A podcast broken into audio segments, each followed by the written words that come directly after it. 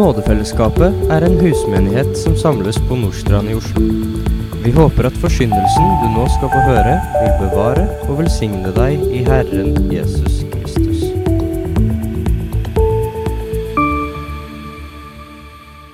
Kjære Jesus, du eh, ser hva som eh, er i din tekst her til oss i dag. Du ser at det er noe vi trenger å lære, hver enkelt av dine disipler. Ting som eh, ikke ligger så lett for oss, og som ikke faller oss naturlig, men som må både læres og erfares og prøves ut i praksis. Det kan være en eh, litt vanskelig prosess, Herre, for oss. Jeg ber om at du må åpenbare ditt ord for oss nå. La oss få lov til å leve i dette ordet og fylles av det og grunne på det og leve i det i Jesu navn. Amen. I ett og et halvt år nå så har vi forsøkt å se på Jesus sin lære. Vi har sett på Jesus sin liv, og vi har sett på Jesus sine gjerninger gjennom disse kapitlene i Matteus fra kapittel 5 og nå ut kapittel 9. Og så har vi altså på den måten forsøkt å bli mer kjent med han, slik som eh, han også ble kjent av sine disipler. Fordi de brukte tid sammen med Jesus. De hørte på det han sa, de så hans liv og hvordan han behandla mennesker rundt seg. Og de er på mange måter her, sånn som vi har sett de så langt, så er de bare iakttagere. De er studenter. De, de er, ser på hva mesteren gjør. De får et større og mer detaljert innblikk enn noen andre fordi at de er der, de er invitert inn i mesterens nærvær. De har nok hjulpet til med praktiske ting, vil jeg tro. Sant? De har gått rundt der og båret noen byrder og skaffa noe mat og kanskje samla inn penger. eller i det hele tatt. De har gjort en del ting. De har altså arbeida, kan du si. De har vært med på laget. Men det arbeidet de ble kalt til når Jesus kalte de, nemlig å være menneskefiskere, det har de ikke begynt med ennå. Så slik sett så var disiplene kan du si, passive. De var passive fordi at før de kunne begynne å gjøre noe, så trengte de opplæring. Og dette er jo et viktig punkt, fordi at for disiplene så ble det tre år med opplæring. Og det er jo tre år som vi med rette kan kalle fulltidsstudier, må man definitivt kunne si.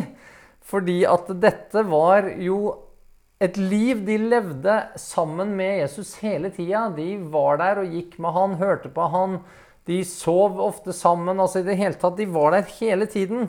Og skulle du sammenligne med moderne skole, så må vi i hvert fall regne sikkert syv år med vanlig skolegang hvis vi skulle fått med oss dette. Og så lærte de jo mye mer enn teoretisk kunnskap også. Fordi denne læringa, det, det forma dem.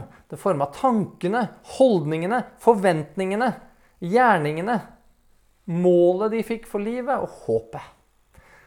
Så det var altså fullstendig livsforvandlende, slik sann kristen tro må være for alle mennesker. Er man kristen, så skal det merkes. Det skal merkes på språket man bruker, på verdiene man har, på økonomien, på tidsbruken, på samlivet. Det skal merkes på holdningene og handlingene som vi så så mye på når vi gikk gjennom bergprekenen. En vil bli annerledes enn samfunnet rundt seg, uansett hvilket samfunn det er. Selv når hele Vesten var prega av kristen kultur, så ville en sann kristen føle seg annerledes. Når Martin Luther og en del av disse her kom og virkelig fant tilbake igjen til det bibelske evangeliet, så følte de seg garantert veldig annerledes enn alle de andre midt i det kristne Europa. Så annerledes, så farlig, så truende at livet deres sto i fare for å bli tatt. Det gamle livet erstattes med et nytt. Og det kommer ikke av seg selv, det krever et kall fra Gud. Tro som Gud gir, nåde fra Gud. Og dette kommer jo gjennom forkynnelsen, først og fremst forkynnelsen av Guds ord. Og så må mennesket være villig til å ta imot troen, være villig til å følge kallet, villig til å underordne seg mesteren i ett og alt. Lytte, vandre, le, gråte, leve, spise og sove hver dag som et nytt menneske. Og det var det livet som disiplene var kalt til. Og på den måten så hadde egentlig ingenting forandra seg. For hvis vi hører på hvordan Gud talte til sitt utvalgte folk i Det gamle testamentet, altså den familien, det treet som en kristen er poda inn på, så står det Hør, Israel, Herren vår Gud, Herren er én. Og du skal elske Herren i Gud av hele ditt hjerte, og av hele din sjel, og av all din makt. Og disse ordene som jeg byr deg i dag, skal du gjemme i ditt hjerte. Og du skal innprente dem i dine barn. Du skal tale om dem når du sitter i ditt hus, når du går på veien, når du legger deg, og når du står opp. Du skal binde dem som et tegn på din hånd, og de skal være som en minneseddel på din panne. Du skal skrive dem på dørstolpene i ditt hus og på dine porter. Så er det noen som tar akkurat dette siste veldig veldig bokstavelig hvis du har vært i Israel.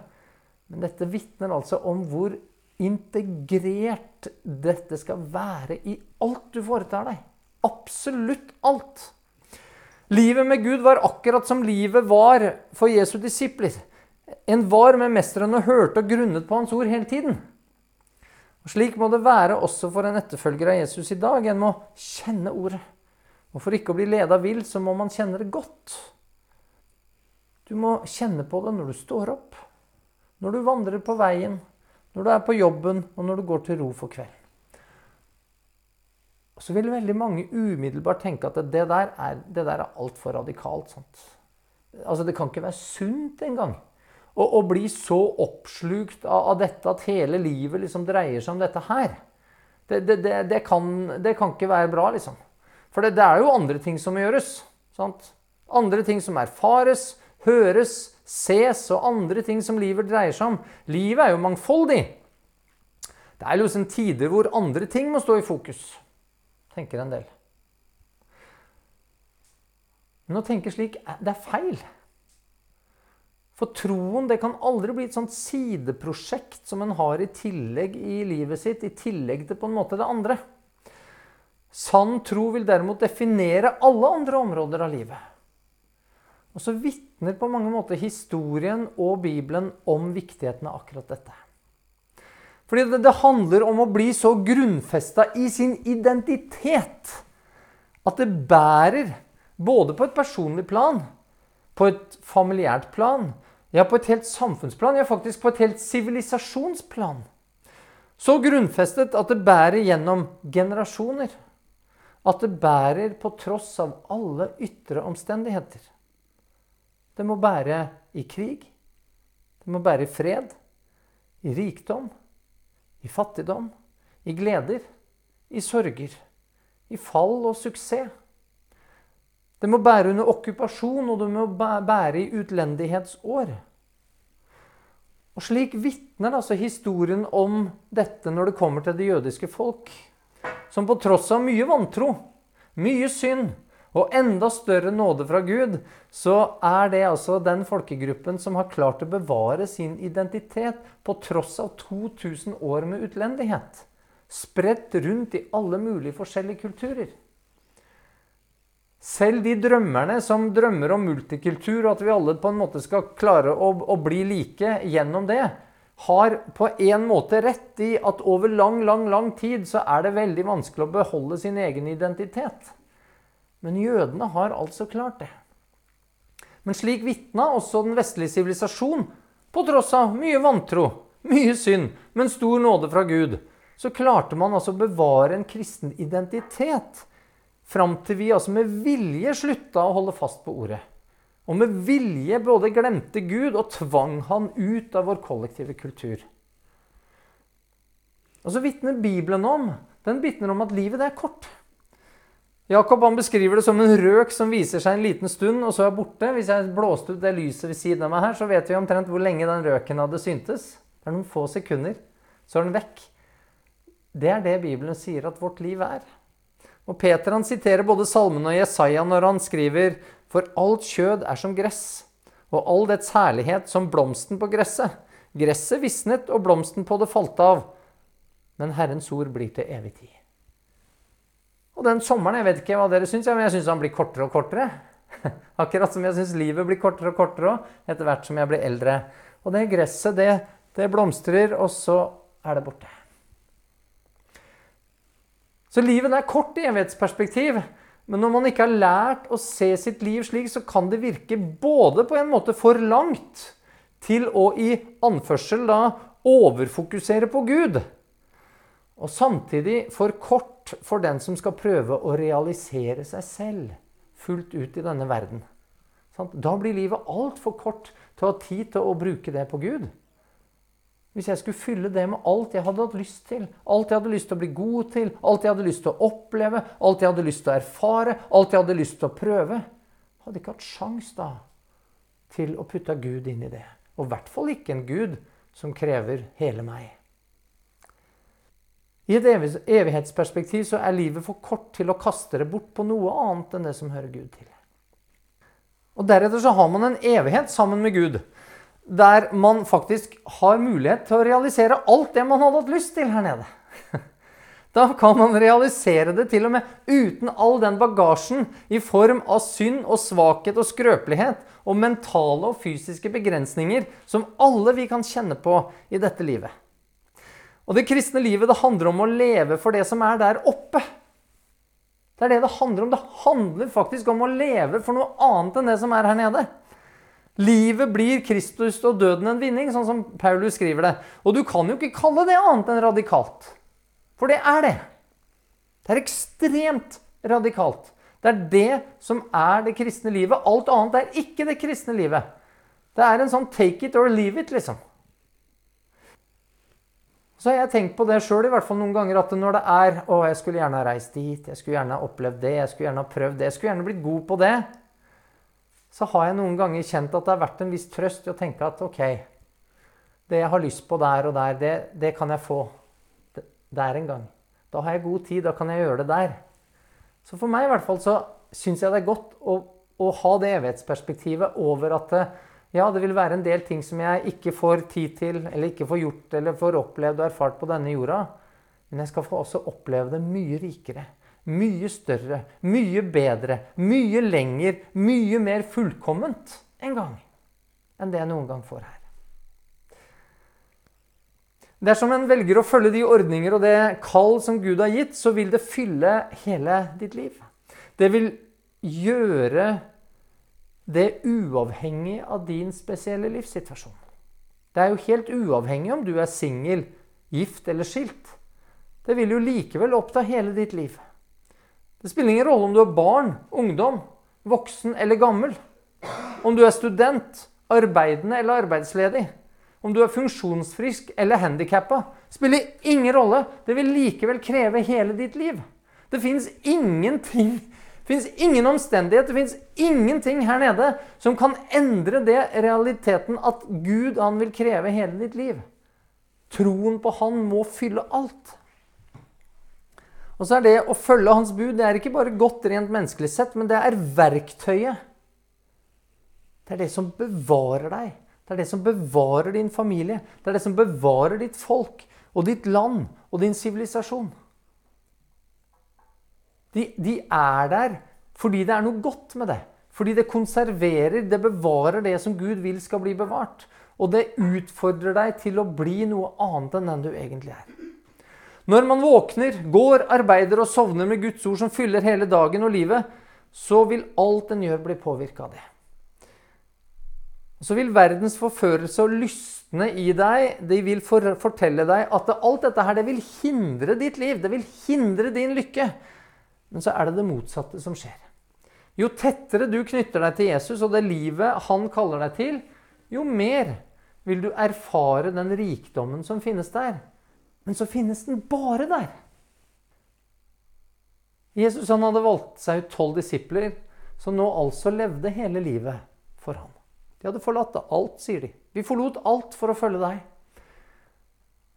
Og Det var mennesker som Jesus trengte å undervise, og som trengte erfaring. Og nå er vi kommet hit i kapittel 10.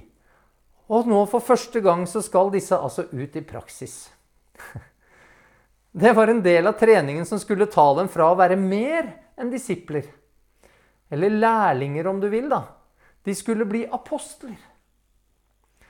Og her i livet så vil man som Jesu etterfølger alltid få bli en disippel. Jeg kan aldri bli mer enn en disippel av Jesus. En som ønsker å lære av ham. Men etter hvert som man vokser i troen, så sender Jesus oss ut i hele verden for å gjøre andre til disipler. Og lære dem å holde alt Jesus har befalt oss. Det er ganske mye. Det er ganske vanskelig. Det er utfordrende. Det krever mye av oss. Da er disippelen blitt et sendebud. en ambassadør for Gud. Og På samme måte som med de tolv så trenger vi å lære både for egen del og for å kunne vitne for andre. Og den som vil lære eller være hyrde for andre, og som dermed skal undervise de andre sendebud eller ambassadører, han trenger jo det i enda større grad. Og Derfor så er det jo at Paulus skriver til Timoteus at en pastor eller tilsynsmann, for det må være en mann, ikke kan være en nyomvendt for at han ikke skal bli oppblåst og falle under djevelens dom. Det krever noen ting. Det krever erfaring. Det krever læring. Det å få en som er helt nyomvendt og plutselig skal ta på seg et ansvar han ikke er klar for, det sier Bibelen fører til fall. Det fører til at du faller under djevelens dom. Det er vi, vi, trenger læring. Vi trenger erfaring. Vi trenger tid. Og heldigvis så er Gud tålmodig med oss. Han lot Moses gå og gjete sau 40 år i ørkenen. Hvor meningsfylt tror du han følte det var når han kom som prins av Egypt? liksom? Jeg hadde tenkt Hvor i all verden er du, Gud? Hvor er planen din for mitt liv? Og så var det 40 år med erfaring på akkurat det han trengte. Gud visste akkurat hva han gjorde. Og så kan det hende at det sånn vil det være i ditt og mitt liv òg. Hadde Gud han bruker lang tid. Og dets vanskelige, mer tunglærte og tungnemme vi er, dets lengre tid bruker han. Og så kan det hende at det tjenestetiden han har for deg, er veldig kort.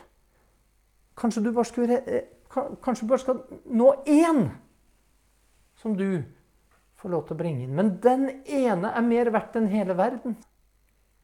Aldri se lite på det. Alle trenger tid til å lære av mesteren. Og Denne læringsprosessen den pågår så lenge vi er i denne verden. Og den som skal lære andre, må altså ha lært og erfart mye selv først. Og Derfor er det ofte tungt for den som vil stille seg fram. Fordi man opplever at når du skal stå og lære andre noen ting, så har Gud en tendens til å putte deg gjennom de tingene sjøl først. Sånn at du begynner å vite hva du snakker om. Og det er ikke alltid så hyggelig. Disiplene var tolv menn som var utvalgt av Gud direkte. Og det, han kan jo liksom tenke seg at det gjør dem spesielle, sånn menneskelig sett. Og så er Bibelen som vanlig da, altså bare dønn ærlig i sin omtale av disse mennene. I sin suverenitet så valgte Gud seg ut disse, men det er liksom likevel ingenting som tyder på at det finnes noe spesielt med disse her, som gjør at de er utvalgt. Dette er jo menn som ikke utviser spesielle talenter, i hvert fall ikke som vi får høre om. Heller ikke synes det som de er spesielt godt intellektuelt utrusta, hvis jeg skal være helt ærlig. For dette er mennesker som sliter med å forstå hva Jesus underviser. Nå gjorde jo selv de mest lærde i Israel det, så det behøver ikke ha så mye å si i forhold til deres intelligens. Det er ikke det jeg prøver å si.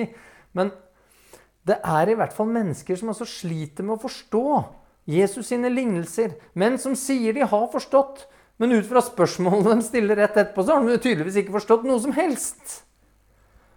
Men som ikke alltid makta å handle etter den kunnskapen som de beviselig hadde fått. Jesu disipler de synes å være bundet til tradisjoner og til lære som de var oppvokst med, og som på tross av at Jesus er veldig direkte med dem og underviser dem om noe helt annet, så klarer de likevel ikke å kvitte seg med disse gamle forestillingene om hvem Messias skulle være. For de går jo bare og venter på at han skal gå der inn i Jerusalem og sette seg på tronen. sant? De bærer ikke preg av å ha hatt spesiell åndelig innsikt engang. Det synes altså i det hele tatt ut som det er helt normale, falne, syndige mennesker. Sånn som deg og meg. Menn som strever med livet. Menn som Jakob og Johannes, som strever med at de har litt for høye tanker om seg selv. De har litt voldsomme ambisjoner og er litt opptatt av sin egen ære. De ber altså Jesus om å få være de to som får lov til å sitte ved hans høyre og venstre side. Og det er ikke det at de andre disiplene var så mye mer ydmyke. for hele grunnen til at de blir sinna på de to første, er fordi at de vil ha akkurat det samme selv. Den blir irritert fordi at de her to sniker i køen, liksom. De snakka alle sammen om hvem som var den største blant de. De dreiv på og rangerte seg. sant? Og, 'Jeg er litt bedre enn deg der', og 'jeg er nok litt frommere enn deg', og hvor lett det er for oss. Dette var menn som strevde med stolthet, sånn som Peter. Han, han var altfor stolt til at Jesus skulle vaske hans føtter. Og når han får en liten reprimande for det, eller litt læring på det, så da er han så from at han skal få vaska hele kroppen. Så han går fra den ene grøfta rett over i den andre. Og senere altså, så fornekter han Jesus tre ganger, og så banner han og sverger på det. Han bruker altså et språk som Bibelen helt enkelt forbyr. Du skal ikke sverge på noe som helst, sier jo Bibelen. Verken med det som er der oppe, eller det som er der nede. Matteus 10 er altså kapitlet der disiplene for første gang skal begynne å handle. Forsøke å handle etter den lærdommen de har fått så langt. Og han kalte til seg sine tolv disipler og ga dem makt over urene ånder, så de kunne drive dem ut, og til å helbrede alle slags sykdommer og plager. Dette er de tolv apostlenes navn. Først Simon, han som kalles Peter, og hans bror Andreas. Jakob, sønn av Sebedeus, og hans bror Johannes. Philip og Bartolomeus, Thomas og Matteus, tolleren. Jakob, sønn Alfeus og Lebeus med tilnavnet Tadeus, og Simon Kananeus og Judas Iskariot, han som forrådte ham.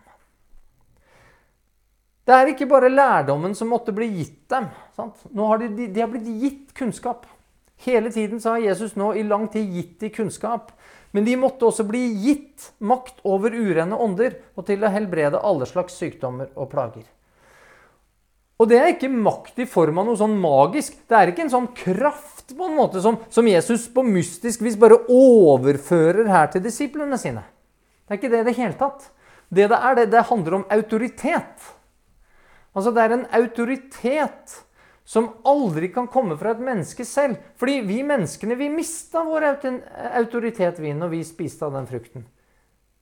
Alt det som vi kan lese om i Johannes' åpenbaring etter hvert med seilene og alt disse tingene, det er at Jesus han har vunnet tilbake som menneskesønnen den autoritet som vi mista.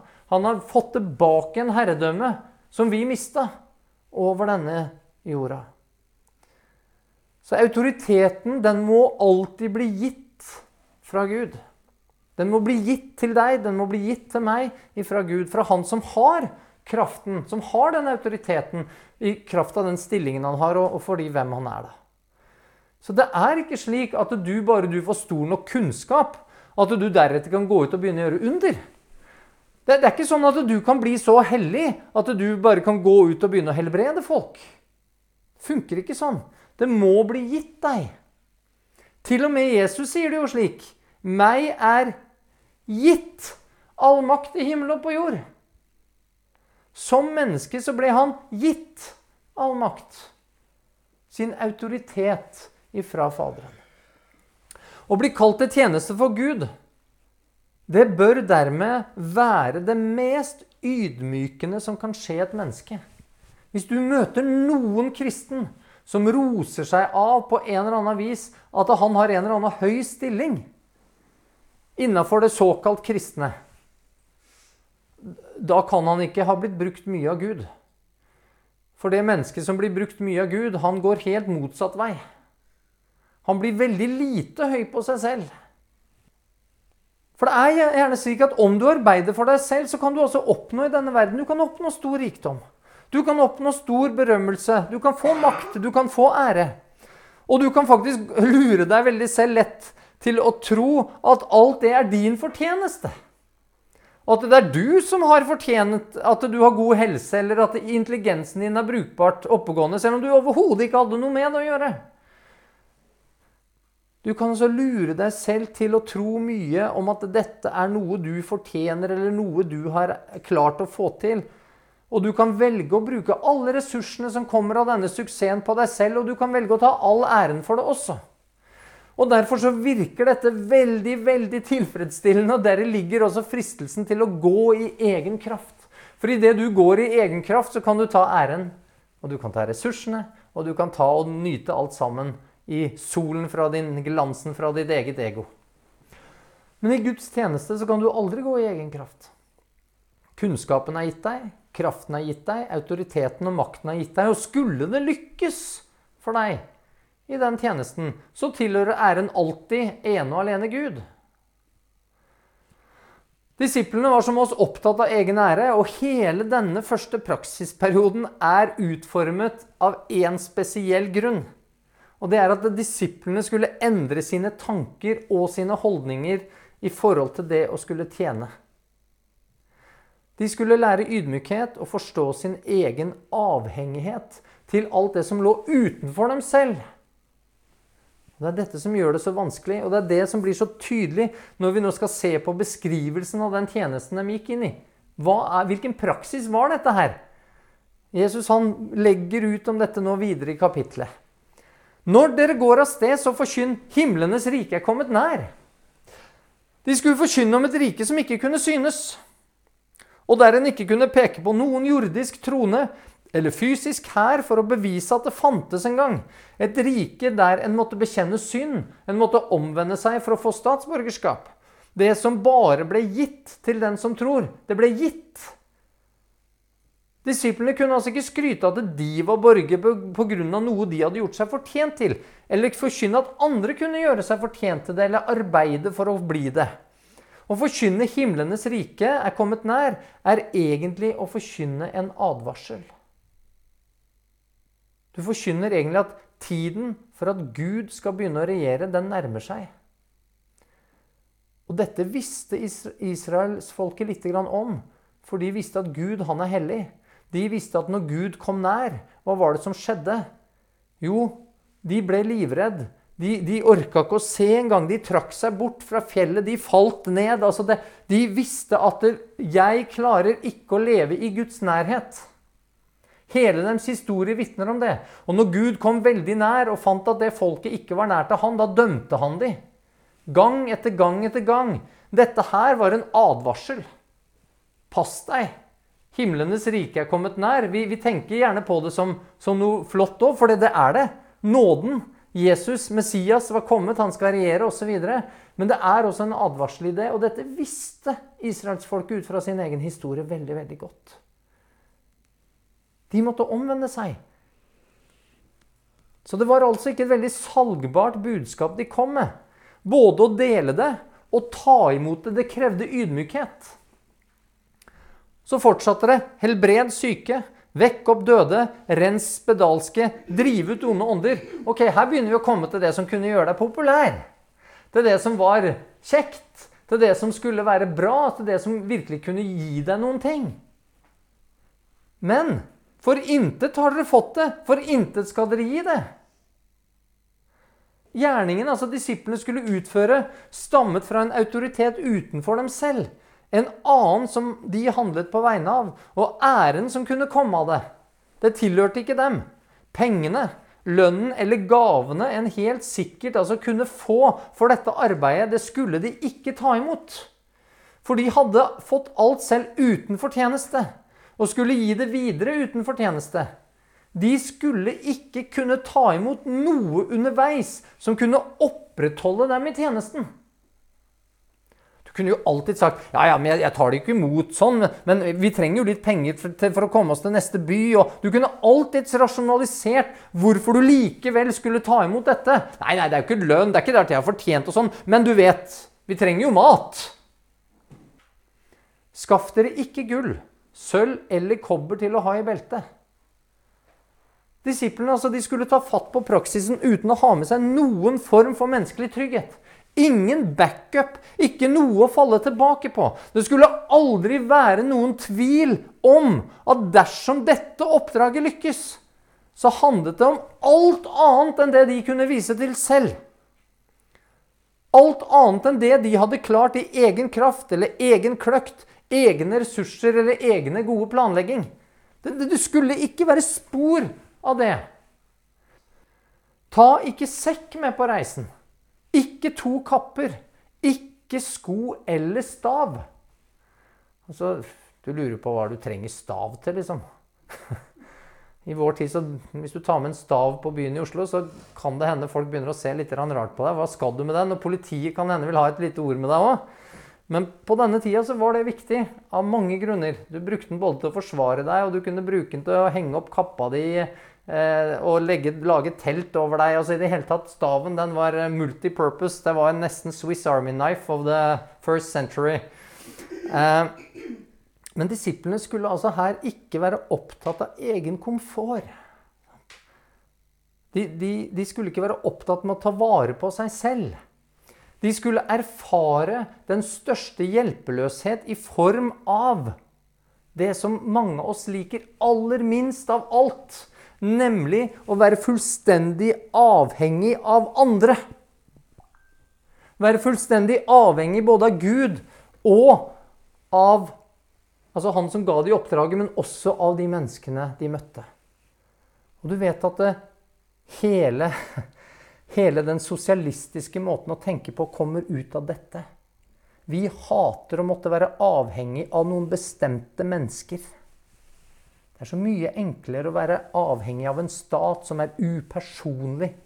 Som ikke krever noe av oss, som ikke er vanskelig, for vi trenger ikke å forholde oss til det på en måte. Vi får de der penga inn på kontoen, og så slipper vi alt det styret med å måtte forholde oss til feilbarlige, travle, trasige folk, liksom. Sant? Vi vil ikke det. Og vi vil ikke ha noen som skal holde oss ansvarlig for livet vårt. Eller fortelle oss at den måten du brukte de penga jeg ga deg på, var ikke spesielt bra. Nei, det der vil vi ha oss frabedt. Det er slitsomt å være avhengig av andre. Og så var det mer disiplene måtte erfare. De måtte kjenne seg avhengig og ydmyk i møte med Gud. Og det er jo én ting. Det kan jo noen og enhver føle på i møte med den mektige Gud. Men like viktig som å elske Herren i Gud er altså i Bibelen sant, å elske de neste som deg selv. Ja, Bibelen sier at om vi ikke elsker vår neste, så kan vi umulig elske Gud. Og det punktet kan nok mange altså kjenne er langt, langt mer utfordrende. For det å bli avhengig av mennesker og menneskers nåde, den sitter veldig langt inne for de fleste av oss. Ja, også i en menighet så vil vi som individualister neppe oppleves trengende. At vi har ikke lyst til å bli opplevd som de som ikke får det til, eller de som stadig vekk må ha hjelp av de andre i menigheten, kanskje.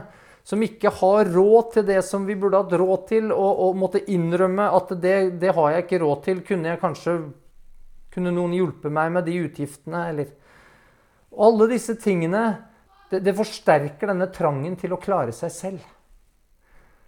Ved eget arbeid, egne ressurser. Så er det akkurat disse tingene som disiplene altså måtte lære. De hadde ingen mulighet til å være uavhengige her. De hadde ingenting. Og Derfor så måtte de pent be om husrom dit de kom for å klare sitt oppdrag. Jesus han gjorde dem avhengig av andre mennesker. Det var med vilje Jesus gjorde at de måtte bli avhengige av andre. Og det er veldig slitsomt dersom man ikke først har svelget sin egen stolthet. Først har innsett sin egen tilkortkommenhet og innsett at jeg trenger faktisk andre. Jeg har behov for andre.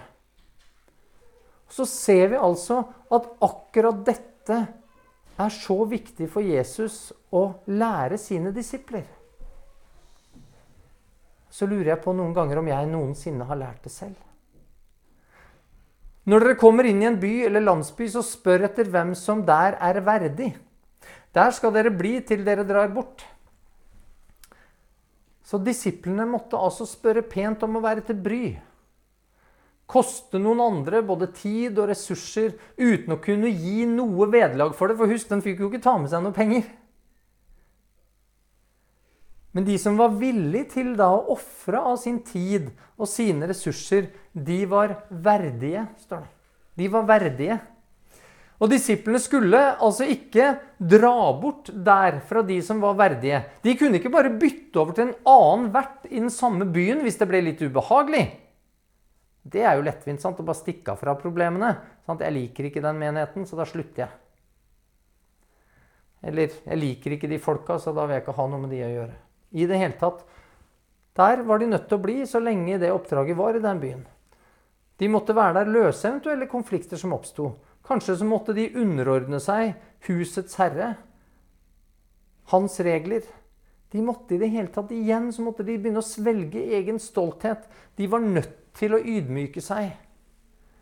Så Jesus han lærte dem avhengighet og ydmykhet i møte med dem som de skulle tjene. Og dette er viktig. For vi tenker så lett at det her kommer jeg liksom. Jeg skal gi disse noe som de ikke har, og det er jeg som sitter med kunnskapen, jeg har troen, og, og, og, og i hele tatt, jeg er jo Guds barn, og nå skal jeg ut til disse her hedningene, enten det er på misjonsmarken, eller det er andre nordmenn, eller, eller det er andre kristne som du føler ikke har skjønt det. Og så er hele poenget her at Jesus han gjør disse som hadde denne kunnskapen, avhengig av de som ikke hadde det. De som de skulle tjene, måtte disiplene være både avhengige av og ydmyke ovenfor. Og For at vi skal kunne være gode tjenere i Guds rike, så må vi tørre å gjøre oss avhengig av hverandre. Ydmyke for hverandre. Og da kan en ikke forvente å bli sett på som stor i andres øyne. Fordi at det du gjør ved å gjøre deg avhengig av andre, det er at du blir liten i andres øyne. Du blir ikke viktig. Du blir den som mottar hjelp. Ja, Den som vil regnes som stor blant dere, skal være alles tjener, sier jo Bibelen. Det er liksom lett i teorien. Men når du virkelig kommer til praksisen der, som disiplene her måtte lære, så var det virkelig ikke lett. Den største blir den minste. Og dette kommer altså ikke naturlig for en fallent menneske. Det må læres. Og Disiplene skulle samtidig forstå at arbeidet for himlenes rike, på tross av at det ikke brakte fysisk lønn med seg, likevel hadde en egenverdi. For han sier for arbeideren er sin føde verdt. Og dette er en veldig god ting at står der. Fordi de skulle altså med god samvittighet ta imot innlosjering, ta imot hjelp, ta imot den maten de fikk. De skulle ikke være skamfulle for det. Fordi at det budskapet de kom med, gjorde dem verdige til å motta disse tingene. Arbeidet de gjorde, var verdifullt. Men de skulle forstå det ut fra en annen side enn den rent materielle, selvtilfredse, selvopphevdende måten. De, de, skulle se det på den måten ved at de selv ble tjenere og måtte ta imot og kunne kjenne på både takknemlighet til han som ga, og de som ga. Og få den rette innstillingen overfor de de skulle tjene. Men de skulle altså få se at arbeidet var verdifullt, og at det var betydningsfullt. Og det var så viktig at Jesus måtte, og også i dag må, forme de som gjør dette arbeidet, sine holdninger. Fordi hvis ikke så begynner de å ødelegge for budskapet de kommer med. Budskapet om himlenes rike er et budskap om fred mellom mennesker og Gud, og disiplene hadde ingenting å gi annet enn det de kom med av budskap. De måtte lære seg å stole på at det de egentlig gav, hadde den største verdi. Og det var jo ikke helbredelsen eller utdrivelsen av onde ånder som var den virkelige verdien de kom med. Det var budskapet om at himlenes rike var kommet nær. Fred mellom Gud og mennesker var mulig. Og det hadde en virkelig verdi, og de som var verdige, skulle kjenne det. Og disiplene erfarer verdien av det. Om da huset er det verdt, skal deres fred komme over det. Men om det ikke er det verd, da skal freden vende tilbake til dere selv. Dette syns jeg også er så fint. Om du opplever at du har lite å gi, men kan gi mennesker Guds fred, da har du fantastisk mye å gi. Og hvis du stoler på det, så kan du gi med frimodighet. Du kan nemlig møte mange som ikke er verdig den freden du kommer med. Som vil spotte den og håne den, og som vil ta fra deg frimodigheten. Ta fra deg freden, roen i sjelen. Og heldigvis så forteller Jesus at disiplene ikke trengte å stampe videre der folk ikke var mottagelige for den fred som de kom med. De, de ble fristilt og skulle få kjenne på fred på tross av at de ikke ble tatt imot. Freden skulle få lov til å vende tilbake igjen til de. de vi, vi, tenker gjerne motsatt. At å, hvis folk ikke tar imot oss, og tenk deg om vi blir avvist, og, og folk håner oss og sånn, da får vi jo ikke fred. Men Jesus sier derimot at nei, da skal freden få lov til å vende tilbake igjen. Og er det noen som ikke tar imot dere og ikke hører deres ord, da gå ut av det huset eller ut av den byen og rist støvet av føttene. Igjen, det er fantastisk frigjørende, det Jesus sier her. Disiplene måtte lære at de ikke var herrer over hvordan mennesker ville motta budskapet de kom med. Det er også viktig. De skulle ikke pynte på det budskapet. De skulle ikke tilpasse det for å passe inn eller for å bli godtatt dit de kom. Jesus sa aldri at om de ikke ville høre om at Guds rike var kommet nær, så måtte de legge litt bedre planer eller litt bedre strategier for hvordan de kunne møte mennesker bedre der de var. Eller gjøre budskapet aktuelt inn i tiden og kulturen. Sier ikke noe om det.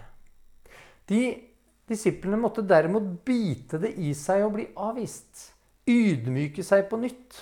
Og så måtte de reise bort.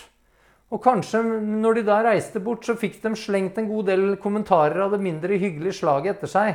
Både at de var noen feiginger, og halen mellom beina måtte de komme seg unna. At de var tapere og hatere eller lignende. Men så skulle de altså få reise derfra med frimodighet. Fordi mesteren underviste dem om at det var helt greit å reise da. Om de opplevde at mange ikke ville lytte til dem, så kunne det kanskje ha vært fristende å gå til noen andre da, som var litt mer lydhøre. Der du ble litt populær, og der det var litt greit, liksom. Andre som var mer lydhøre enn jødene var. Men Jesus hadde denne gangen begrenset deres vitnetjeneste ved å si gå ikke på veien til hedningene, og gå ikke inn i noen av samaritanernes byer, men gå heller til de tapte får av Israels hus. Noen ganger så kaller Gud oss til et arbeid der vi blir stående iblant mennesker, iblant kirkesamfunn, iblant i det hele tatt ting som ikke vil høre. Og det er fristende da å ha lyst til å gå til noen andre. Men kallet som Gud gir, den gjelder gjerne noe spesielt, og noen spesielle for en spesiell grunn. Vi står ikke fritt og bare skalte og valte med det kallet sånn som vi vil. Senere, når frelsen var fullbrakt, så ba han jo disiplene gå ut i all verden. Men da synes det som de hadde mer enn nok med å henge i Jerusalem. Så da kom det en liten forfølgelse som eh, nærmest måtte komme der kan det synes som, for at de faktisk skulle gå ut andre plasser i verden. Paulus han starta også alltid med å gå til synagogen først. Men etter at de stadig forfulgte han, så gikk han til hedningene primært, og, og ble kjent som hedningenes apostel. Uansett hvor disiplene gikk, eller du skulle da gå en plass, så er det aldri altså mottageligheten til de man blir sendt til, som avgjør om oppdraget ditt lykkes eller ikke. Det er trofastheten mot han som sender deg, som er avgjørende. Og Vi vet jo ikke hvor mange som tok imot budskapet til disiplene her om at eh, himlenes rike var kommet i denne praksisperioden. Kanskje var det svært få. Og Likevel så var altså denne praksisperioden og vi kunne si det var en dundrende suksess.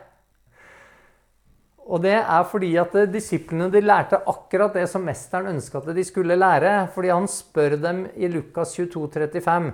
Da jeg sendte dere ut uten pung eller sekk eller sko, manglet dere da noe? Og de sa nei, ingenting. En dundrende suksess! Gud han har merkelig nok tatt inn i sin tjeneste svake, skrøpelige mennesker. Ofte mennesker uten spesielle forutsetninger, utdannelse eller erfaring.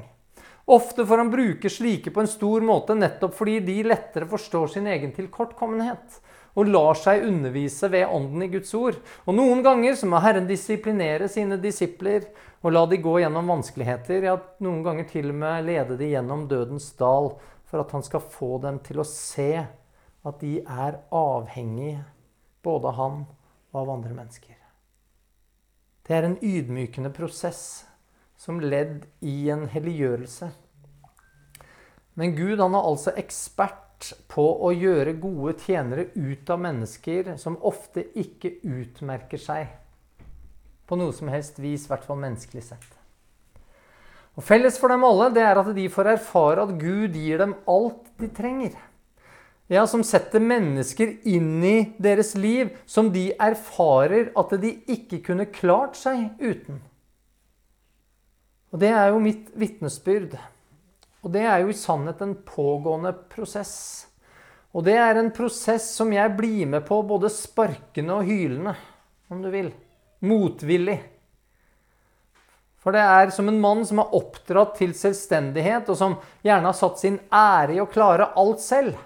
Så er det både ydmykende og samtidig mektig å oppleve gang etter gang den avhengigheten til Gud, men også til andre mennesker som livet og tjenesten krever. Det er ydmykende å kjenne på f.eks. denne foregående uken, hvor jeg da er alene en uke, hvor ute av balanse mitt liv blir. Når ikke de menneskene jeg er blitt avhengig av, er rundt. Og Det kan man også kjenne på andre felt med mennesker som står lenger unna enn den kjernefamilien. Man kommer ut av balanse, man er blitt glad i noen, man har blitt avhengig av noen. Og det er ikke så lett alltid for andre å forstå hvor viktige de er, men, men slik er det. Og så kan man kjenne i tillegg hvor ubrukelig en blir i tjeneste for Gud når ydmykheten mangler. Så lever vi i en tid og i en kultur som synes å ha overflod på det vi synes og overfladisk i hvert fall å trenge. Men det vi virkelig behøver, det er det ekstremt stor mangel på. Så håper jeg vi kunne få lov til å erfare det også disiplene lærte. At i lydighet til Guds kall for våre liv, så ser vi vår avhengighet av Han og vår avhengighet av hverandre. Og måtte vi, når vi da ser tilbake igjen på den tjenesten på vårt liv, at vi fikk lov til å se at vi mangla ingenting fordi at vi fikk ta imot disse tingene som Gud la inn i livet vårt. Men hva da med de som ikke tar imot vitnesbyrdet? Hva med dem som spotter og håner, himler med øynene og ikke vil høre? Jo, vi skal få lov til å slippe å fokusere på det. Vi skal slippe å misbruke av vår tid på dem. Vi skal få riste av oss støvet. Vi skal slippe å bli værende, slippe å motta misbruk. Vi skal slippe å føle videre ansvar. Og vi skal definitivt slippe å finne opp budskapet på nytt. Eller endre det som er oss overgitt en gang for alle, selv om det er veldig populært i vår tid. Vi skal få kjenne på fred ved å gå videre til de som vil lytte. Andre som er verdige den fred budskapet om Jesus bringer med seg. Og når en er lydig som Kristi ambassadør, så vet man at dommen hører Herren til. Da kan man altså fortsette oppdraget uten å lage noen scene. Uten å slenge med leppa. Uten å ta igjen. Uten bitterhet eller hat til noen. En børster av seg skuffelsen. Børster av seg motløshet. Børster av seg smerte. Ja, alt det støvet som arbeidet kan og vil garantert bringe med seg. Å bringe budskap om Guds rike vil alltid føre noe av Guds sannhet, kjærlighet eller rettferdighet eller alle deler med seg. For det vender nemlig aldri tomhendt tilbake igjen, står det. Det vender altså heller ikke tomhendt tilbake igjen på steder der hvor tilsynelatende ingen tar imot. Selv der virker det slik som Gud vil. Om ordet ikke fører til frelse, så fører det til forherdelse. Og da fører det til at Guds dom blir rettferdig. Og Jesus han sier jo, avslutter på en måte vår tekst da. Sannelig sier jeg dere, Sodomas og Gomorras land skal få det tåleligere på dommens dag enn den byen. Som altså ikke tok imot, og som ikke lytta. Å bli utsatt for Guds ord og forkaste det, det er ekstremt alvorlig. Dets mer kunnskap du har, dets mer alvorlig er det egentlig. Og så finnes det ingen glede i dommen over den ugudelige, verken fra Guds side eller fra hans ambassadørers side. For den som tjener, så er det imidlertid en trøst i den sorgen å vite at ikke noe, ingenting, som du gjør for Herren, er bortkasta. Kjære Herre, det var en utfordrende tekst til oss i dag en tekst som, hvis du leder oss inn i en slik praksisperiode og en slik tjeneste, så vil det kreve ting av oss som eh, vi gjerne helst vil slippe å, måtte gå igjennom.